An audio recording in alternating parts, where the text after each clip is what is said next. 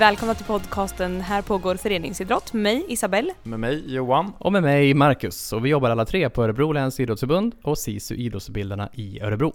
Och eftersom att vi är här alla tre idag och inte har någon gäst med oss så betyder det att vi kommer prata om en av våra utvecklingsresor i Strategi 2025. Och idag ska vi prata om en inkluderande idrott för alla. Det känns som ett rimligt mål ändå för Strategi 2025 tycker jag. Absolut. Ja. Men det är också en ganska bred resa, så det är ganska mycket som vi ska försöka hinna med under eh, det här avsnittet också. Så att vi dyker väl rakt in i det tänker jag. Eh, och läser, eh, börjar med texten precis som vi gjort i tidigare avsnitt om strategi 2025. Så läser vi igenom texten för det önskade målet för inkluderande idrott för alla. Det låter så här. 2025 känner sig pojkar och flickor, män och kvinnor och i olika åldrar och med olika förutsättningar och bakgrund välkomna till idrottsföreningen. Föreningens verksamhet ger människor med olika förmåga möjlighet att vara med. Träningen utvecklas efter individens kapacitet, vilket utvecklar rörelseförståelse. 2025 speglar medlemmarna i idrottsrörelsen befolkningen i Sverige. Möjligheten att träna, tävla och engagera sig i en förening är inte beroende av individens ekonomiska förutsättningar eller var man bor. Många och där inledningsvis. ja, precis. När man hör rubriken så känns den eh, absolut självklar att det här är någonting som hela idrottsrörelsen står för och har stått för under alla tider. Men när man grottar ner sig i, i detaljerna så är det otroligt brett. Och det finns ju jättemycket att jobba med såklart kring Verkligen. det här också. Ehm, jag fastnade till att börja med, och det var bland det första som stod. Alla känner sig välkomna. Och då har jag tänkt på att det finns ju vissa grupper som vi kanske lättare än andra missar inom idrotten just nu, eller i alla fall inte prioriterar på samma sätt. Eh, och har svårt att nå ut till i vissa fall. Vi har pratat i tidigare avsnitt om, om flickor med utländsk bakgrund till exempel, som vi har väldigt svårt att nå till. Vi har äldre, som vi också nämnt i tidigare avsnitt, som vi har, eh, inte har särskilt mycket aktiviteter för helt enkelt. Mm, ja, och något som jag reagerade på var att eh, vi uttalar oss i, i män och kvinnor och flickor och pojkar. Att vi skulle behöva ha med transpersoner eller icke-binära eller eh, någon sån formulering också. För de, det är också en målgrupp som jag tror kanske har svårt att komma in i idrottens sammanhang. Verkligen. Och så även då personer med funktionsvariationer också. Eh, som också är en sån grupp som vi har, har svårt att nå. Och jag tänkte att, har ni någon tanke kring, ja men okej, nu ska vi försöka visionera lite kring, men hur ska vi hur ska vi lyckas med det här då? Eller finns det något sätt? Vi har ju som sagt haft tidigare avsnitt där vi har pratat lite grann om det, men finns det något generellt vi kan prata om som eh, skulle kunna vara en bra förutsättning för att kunna nå alla de här grupperna som inte nås tillräckligt mycket i alla fall inom idrottsrörelsen idag? Jag tänker att eh, en eh, rätt så viktig punkt är det här med eh, att ha plats någonstans att idrotta på, anläggningsfrågan också. För jag tror ingen förening skulle tacka nej till att, att bli större eller flera och eh, välkomna alla personer som man skulle kunna tänka sig välkomna. Men eh, det bygger ju också på att man har halvtider eller planer eller alltså platser att vara på. Så att där har vi nog en, en ganska stor springande punkt. Mm. Och det har vi pratat, eller vi, vi pratar ju ofta om det här när vi pratar strategi 2025, att det är liksom en, underlägg, en underliggande punkt där är ju eh, anläggningsfrågan. Att vi behöver eh, ha fler anläggningar om vi ska kunna bli fler som idrottar. För att i många fall i alla fall så är det ju anläggningen som är begränsningen. Men ibland kan jag tycka att det här känns som en... Det är klart att det beror, eller att det kan bero mycket på det. Men det känns lite som en undanflykt också. Eller det känns som en lätt ursäkt att ta till. Även om det är faktan så kan det också kännas som att nej men vi har inte plats så då kör vi inte, eller då gör vi inget, eller då startar vi inte, eller vi väntar tills vi får en ny plan, en ny hall, en mer is, vad mm. det nu kan vara. Och då, i vissa fall kan jag tycka att, ja men, vad, har, har, man försökt, eller har man, eh, hur, på vilket sätt kan man nyttja de ytorna man har då? Kan man dela på något sätt? Kan man eh, effektivisera tiden? Har man undersökt det som går av det man har? Ja, och risken är ju också när man får den där extra ytan att den går ändå till samma typ av målgrupp. För det är den målgruppen man har en verksamhet som funkar för. Då måste man ju försöka fundera kring sin verksamhet också. Men okej, är det någonting vi kan göra annorlunda för att vi ska kunna nå de här olika grupperna? Eh, så att det inte blir att vi bara, ja men vi får nya ytor, jättebra, men då tar vi in ännu flera eh, ja, men pojkar som ju är, eh, i många bollidrotter i alla fall, är, är överrepresenterade. Eller ännu flera tjejer då inne i gymnastikhallarna när man bygger dem det känns ju kanske också naturligt, eller ofta så många föreningar har ju brist, eller har ju, de pusslar ju redan med tider och utrymme och så att det är ju inte jättekonstigt att det blir så. Att man känner att nu fick vi lite extra utrymme eller nu fick vi lite plats för. Då behöver vi inte trycka ihop det här eller det behöver inte vara så svårt att lägga ett schema och sådär. Så att det kan ju också vara av att man bara inte har det i tanken eller man ser till att det, behovet finns redan för den befintliga verksamheten att ha mer yta. Mm. Men eh, man glömmer bort kanske att tänka lite utanför boxen. Men om vi tänker visionärt då, som du sa Johan, där att om, om vi hade haft obegränsat med plats och tider, hade vi haft en idrottsrörelse för alla då? Nej, jag tror inte vi kan bygga oss ur det här. Nej. Eh, utan jag tror att det väldigt mycket handlar om att hitta eller få de här personerna att känna sig välkomna också. Att få dem att förstå att just men jag kan vara där. För att mm. när vi pratar äldre eh, så tror jag inte deras första tanke är att jag ska börja idrotta en idrottsförening. Eh, utan de tänker kanske att de ska göra någonting annat. Eh, funktionsnedsatta kan tänka att ja, nej, men jag Ehm, men jag kan ju inte göra det där så då testar man inte på det och, och samma sak med, med tjejer med, med utländsk bakgrund också tror jag också kan fastna i liksom så här, ah, nej men det gör inte eh, det gör inte mina kompisar och därför kommer inte jag heller göra det här. Eh, så att där är det ju en attitydsförändring både hos föreningen och hos de här grupperna får få dem att förstå att det här kan man göra och det är roligt framförallt. Ja, och där tror jag att vi har en viktig roll inom idrottsrörelsen och vi som jobbar på SISU bland annat. Att se till att, att det här mötet sker eller vad man ska säga.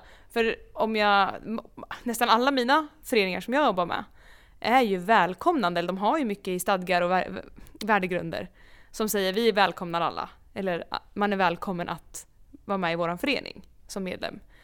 Eh, och hur bjuder man in dem då? Eller hur, jag tror inte ens att man mm. vet själv alltid hur når jag den här målgruppen eller hur, hur vet de om att de är välkomna? Ja. Och Nej, ja, hur, vad kan vi ta in för information eller vad behöver vi för information för att välkomna? Ja, för först, det första steget kanske är tätt sammanslutet här med, med en ny syn på träning och tävling. Att man kanske måste kolla på hur man bedriver sin idrott i föreningen så att det skulle kunna passa alla också. För om man, om man rullar på där i de traditionella mönstren så då kanske man inte har en idrott som passar alla utan det krävs kanske några modiga personer som vågar förändra sättet att träna och tävla på i, i föreningsverksamheten som gör att andra upptäcker att det här, det här funkar ju. Om man är, som du säger, äldre, pensionär, så kanske man inte går in och spelar fotboll på det sätt som vi är van att spela fotboll. Utan då krävs det att det är någon som initierar walking fotboll till exempel. Att det, det, blir en form då som passar den här målgruppen. Och då finns det nog ett, ett intresse. Man ser ju i vissa föreningar så har walking fotboll byggts upp och ökar också. Att det, det, finns ett intresse bara man erbjuder någonting som är lite annorlunda och passar bättre. Mm. Ja, man får fundera precis vad som passar målgruppen egentligen också. Och erbjuda, jag tror jättemycket på att erbjuda prova på-verksamheter på olika sätt. Att man faktiskt får testa på att göra olika idrotter. För det är då man upplever det, ja men oj, det här var roligt. Det här var ju någonting som, som jag skulle kunna tänka mig fler gånger. Eh, så jag tror det är jätteviktigt att man hittar olika sätt att ha prova på-verksamheter. Men via skolan, via idrottsföreningar och eh, på, på andra ställen också i samhället som gör att man faktiskt får testa på Eh, att göra idrotten också i de här nya formerna gärna då också som man försöker anpassa efter nya målgrupper så att man inte och kanske tillsammans med nya målgrupper. Att I de bästa av världar, det är nog svårt kanske att, att få igenom i, i praktiken, men att man, eh, man får önskemål eller har ha med den här målgruppen i diskussionen. Att hur skulle ni vilja att det ser ut? Eller vad skulle ni vilja att vi gör för att den här föreningen skulle vara mer öppen och välkomnande för just dig? Att ta in dem i, i diskussionerna.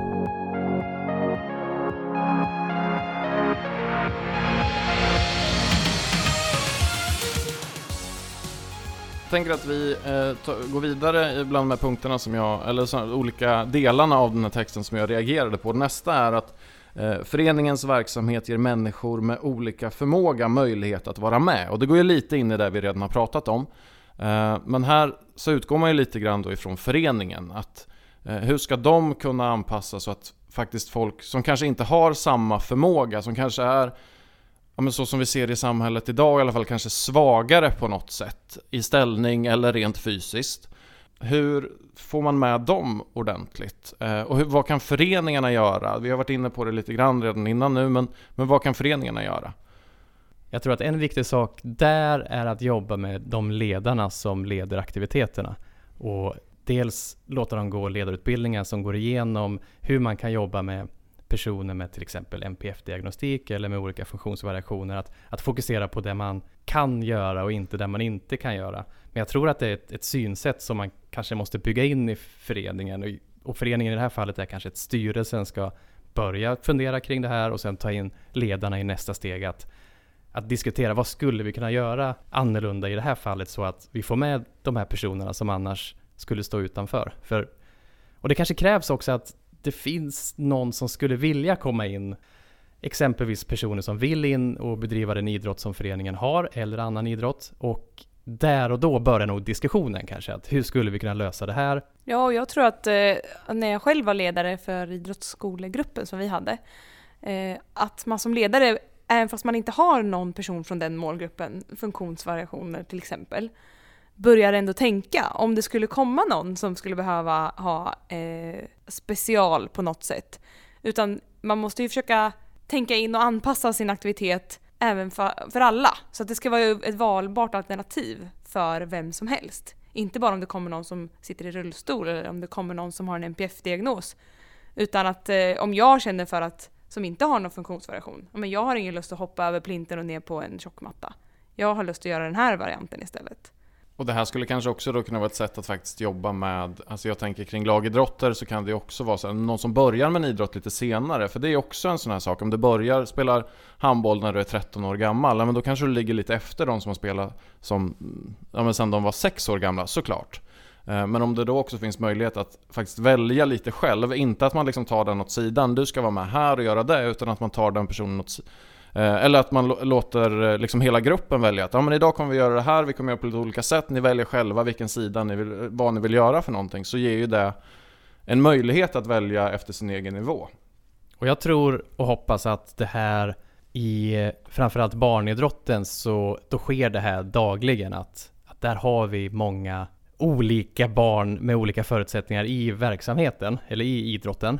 Eh, men att det är när man blir lite äldre och, och skillnaden kanske syns ännu mer och när man tycker som förening att det börjar bli lite viktigare med kanske resultat och sådär. Det, är då, det är då utmaningarna kommer, hur man nu ska lösa, eh, lösa utmaningen där. Jag tror att de allra flesta föreningar har inskrivna eh, liksom att vi vill vara en välkomnande förening, vi är en förening för alla. Men jag tror att man måste fundera kring de orden. Vad innebär det egentligen för vår förening? Man måste jobba kring de orden och processa kring dem och försöka få fram vad innebär det att vi ska vara välkomnande för alla? Vad, vad är det vi säger att vi ska erbjuda för någonting? Eh, för det är väldigt lätt att säga de orden. Betyder de orden att man är välkommen att engagera sig i föreningen, att vara medlem i föreningen? Eller innebär det att man är välkommen att också vara med i den idrottsliga verksamheten som man erbjuder? Det är ju en alltså, väldigt viktig fråga att diskutera. Eller, många sådana frågor är ju viktiga att diskutera när det gäller sina policies eller dokument. Vad menar vi egentligen? Vad betyder det här? Vilket beteende visar att vi är välkomnande?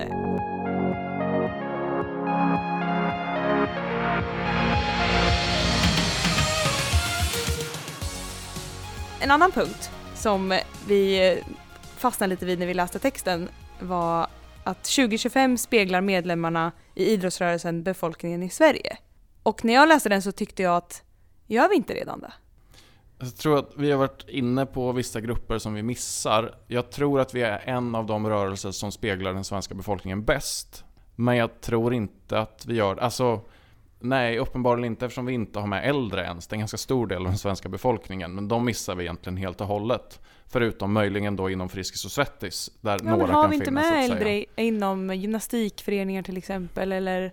Men jag tänker på olika nivåer inom idrotten, att väljer du att titta i styrelserummet till exempel, så skulle jag absolut inte säga att det speglar svensk befolkning överlag. Så det gäller att kolla hela idrottsrörelsen. Vilka är ledare? Där vet vi att det är oftast män som är eh, idrottsledare.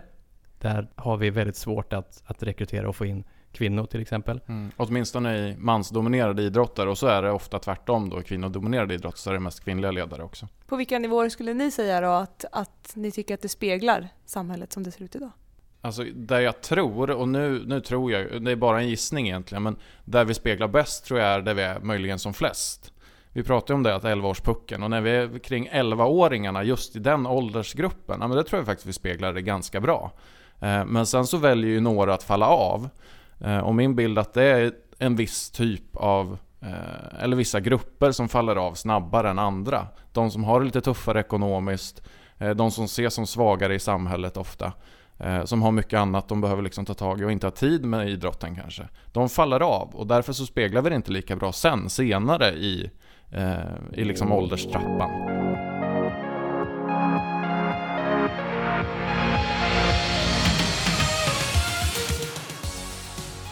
Sista punkten som jag reagerade på i den här texten. Eh, möjligheten att träna, tävla och engagera sig i en förening är inte beroende av individens ekonomiska förutsättningar eller var man bor. Hur ska det gå till? Ja, där känner jag att vi är ganska långt ifrån idag. Ja, varför då? jo, men jag tycker att det är mycket som handlar om, i många idrotter, ekonomi bland annat vad man har för utrustning och vilken utrustning du själv kan se till att skaffa dig för att kunna vara delaktig i en idrott. Och också vart du bor med tanke på urbanisering. Alltså vart finns det störst utbud att idrotta? Och hur lätt kan jag ta mig till min idrott? Vilken typ av idrottande kan jag ägna mig åt? Alltså ju fler, jag är, Eh, ju fler vi är i vår förening till exempel, desto större variation kan jag ju få från att motionsidrotta, idrotta för kul eller att eh, tävlingsidrotta. Och ju färre vi är desto mindre är förmodligen chansen att kunna välja. Ja men det är ju två punkter som är jättesvåra att jobba med just när det kommer till ekonomin. Att viss, viss idrott kostar mycket i utrustning och sådär och vi har ju Um, olika sätt vi försöker jobba med de sakerna också med, uh, med Fritidsbanken till exempel där man kan låna uh, utrustning under en period i alla fall uh, och se till så att man får möjlighet att, att testa på en idrott i alla fall. men det är jättesvårt att ta bort. Och det är resor i många idrotter för att få tävla på det sättet man vill. För det står också att man ska kunna eh, träna, tävla och engagera sig. Och då om man ska kunna tävla i vissa idrotter så kanske det krävs att man åker långt. För det finns inte så många där jag bor och ska kunna tävla då mot de som är ungefär på samma nivå. Då kanske jag måste åka över halva Sverige i vissa fall. I vissa mindre idrotter. Mm, ja, jag ser också att det här är en svår punkt att, att lösa för idrottsrörelsen. Då vi, vi kan ju bara jobba med det vi har här att de idrottsföreningar som finns, oavsett om det är en mindre eller större ort, så måste ju då börja titta på hur man kan underlätta för de som inte har eh, om vi säger socioekonomiskt svaga grupper till exempel. Hur kan man underlätta vad det kostar att dels vara med i den föreningen men också att utöva den idrott som man håller på med. Och om man kollar på urbaniseringen så vi har ju de föreningarna vi har. Så ska idrottsrörelsen då jobba med att starta fler idrottsföreningar eller starta idrotter i de föreningarna som finns hur långt ska man gå som idrottsförening för att nå det här målet eller göra alla nöjda inom situationstecken. Liksom. ja, precis. Ja. En tanke slog mig nu bara, jag har inte tänkt igenom den särskilt väl. Eh, men eh, multi, alltså multiidrottsgrupper, alltså att man har grupper där man håller på med flera olika idrotter till exempel. Det skulle ju kunna vara en sån grej, för då behöver det inte vara att det ska finnas en, som det ofta ser ut nu, det ska finnas en hockeyförening, en fotbollsförening, en gymnastikförening. Eh, kan vi på något sätt ha en förening där man jobbar med massa olika idrotter samtidigt? Det finns ju föreningar som har Eh, som har flera sektioner som när de startar upp sitt bollkul när man är sex år eh, eller fem år eller hur gammal man nu är. Eh, då får man testa alla idrotter. Eh, då får man vara och testa på bandy om man spelar handboll och man gör massa olika saker. Eh, skulle man kunna ha mer så fast man jobbar även då med, med äldre personer? Att ja, men vi spelar Eh, vi spelar fotboll på sommaren och sen så går vi in och så har vi gymnastik på vintern och så tränar vi lite friidrott på hösten. Och vi varierar det. För att vi pratar ju om det, att, att eh, hålla på med flera olika idrotter gynnar även eh, din utveckling idrottsmässigt. Absolut, jag tror att det skulle vara väldigt uppskattat också. Eh, bland många, både kanske äldre eller övre tonåren, men eh, ännu äldre personer.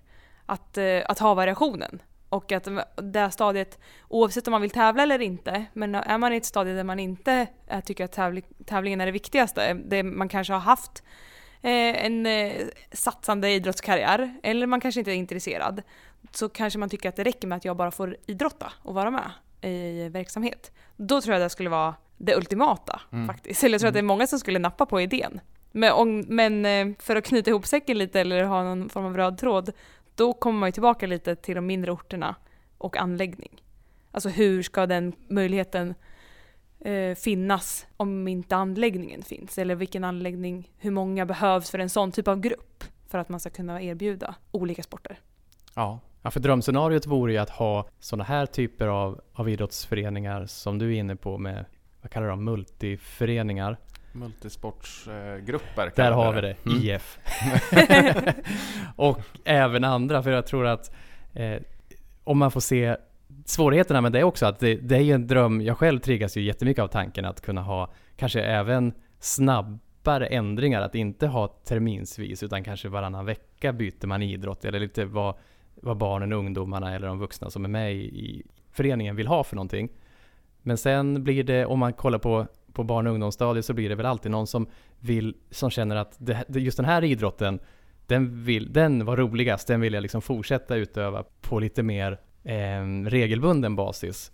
Och då gäller det att hitta någonstans där man skulle kunna vara där, eller någon vill tävla i någon annan idrott. Och det, man måste nog vara noga med vad man erbjuder då. Att, hänger Mm. ni med på vad jag, vad jag är inne på? Ja, Ja, och, det, och det är också frågan är ju så här, vem är det som ska bestämma då också? Då måste man ju, antingen så kan man ju ha det, i den bästa av världar hade man ju bara tagit ett demokratiskt beslut på varje träning. Att så här, okej, men vad vill ni göra idag? Ja, men då gör vi det. Mm. Men det är jättesvårt att sköta praktiskt så- såklart, för att det kanske är, man kanske har olika tränare i olika idrotter till exempel, så det beror väldigt mycket på vem som är där.